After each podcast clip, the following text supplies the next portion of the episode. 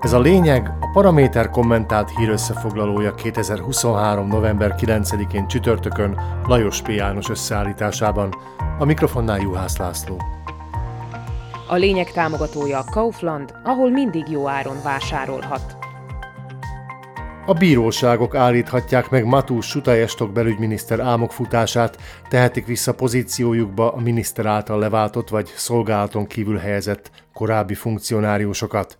Az első ítélet már ma megszületett. Hamran István leváltott országos rendőrfőkapitány szintén leváltott első helyettesét, Branko Kist, a bíróság visszahelyezte pozíciójába.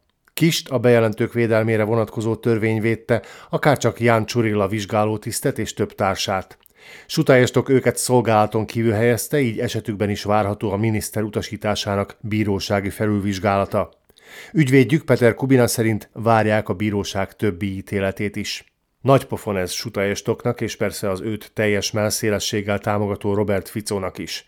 Valószínű azonban, hogy ez az ítélet és az esetleg következő többi csak ideiglenesen állítja meg a Smer Hlas SNS kormány úthengerét. Ficóék ugyanis nem engedhetik meg, hogy hagyják tovább dolgozni azokat a rendőröket, akik akár börtönbe is juttathatják őket.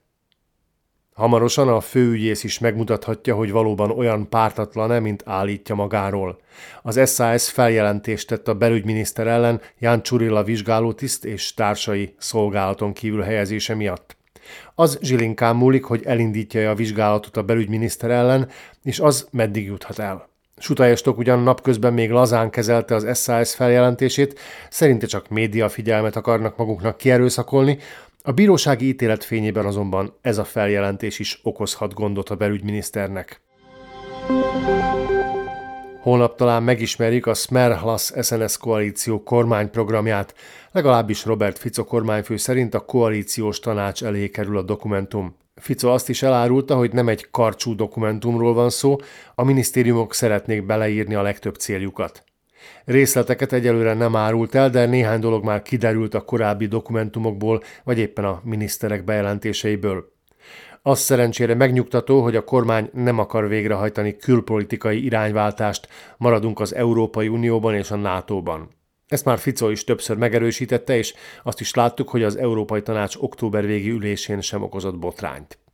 A külpolitikánál azonban sokkal érdekesebb lesz a kormány álláspontja egyes belpolitikai kérdésekben. Érdekes lesz látni, hogy ad-e valami engedményt a nemzeti kisebbségeknek a kormány, egyáltalán megemlíti a kisebbségi jogokat a kormányprogram. Korábban nem volt jellemző a Fico kormányokra a kisebbségek támogatása, ez alól csak a hiddal közös koalíciós kormány jelentett kivételt.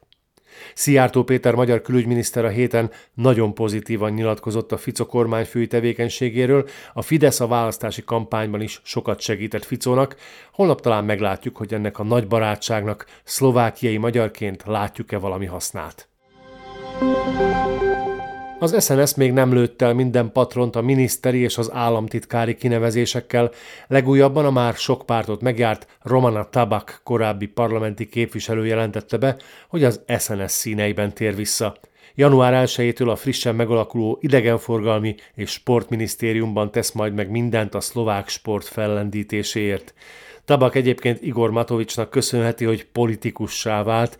2020-ban az Olano listáján jutott a parlamentbe. Igaz, gyorsan távozott a frakcióból, kicsit megmelegedett Boris Kollár családjában, majd egyre közelebb került az SNS-hez.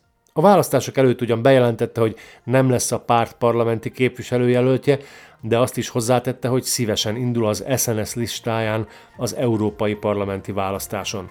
Úgy látszik, előtte még kipróbálja magát a sportminisztériumban. Lajos P. János szerint ez volt a lényeg 2023. november 9-én csütörtökön. Kommentált hírösszefoglalóval legközelebb holnap este jelentkezünk a Paraméteren, addig keressék podcastjainkat a Paramédia rovatban, illetve a Spotify, az Apple Podcasts, a Google Podcasts és a Podbean platformjain.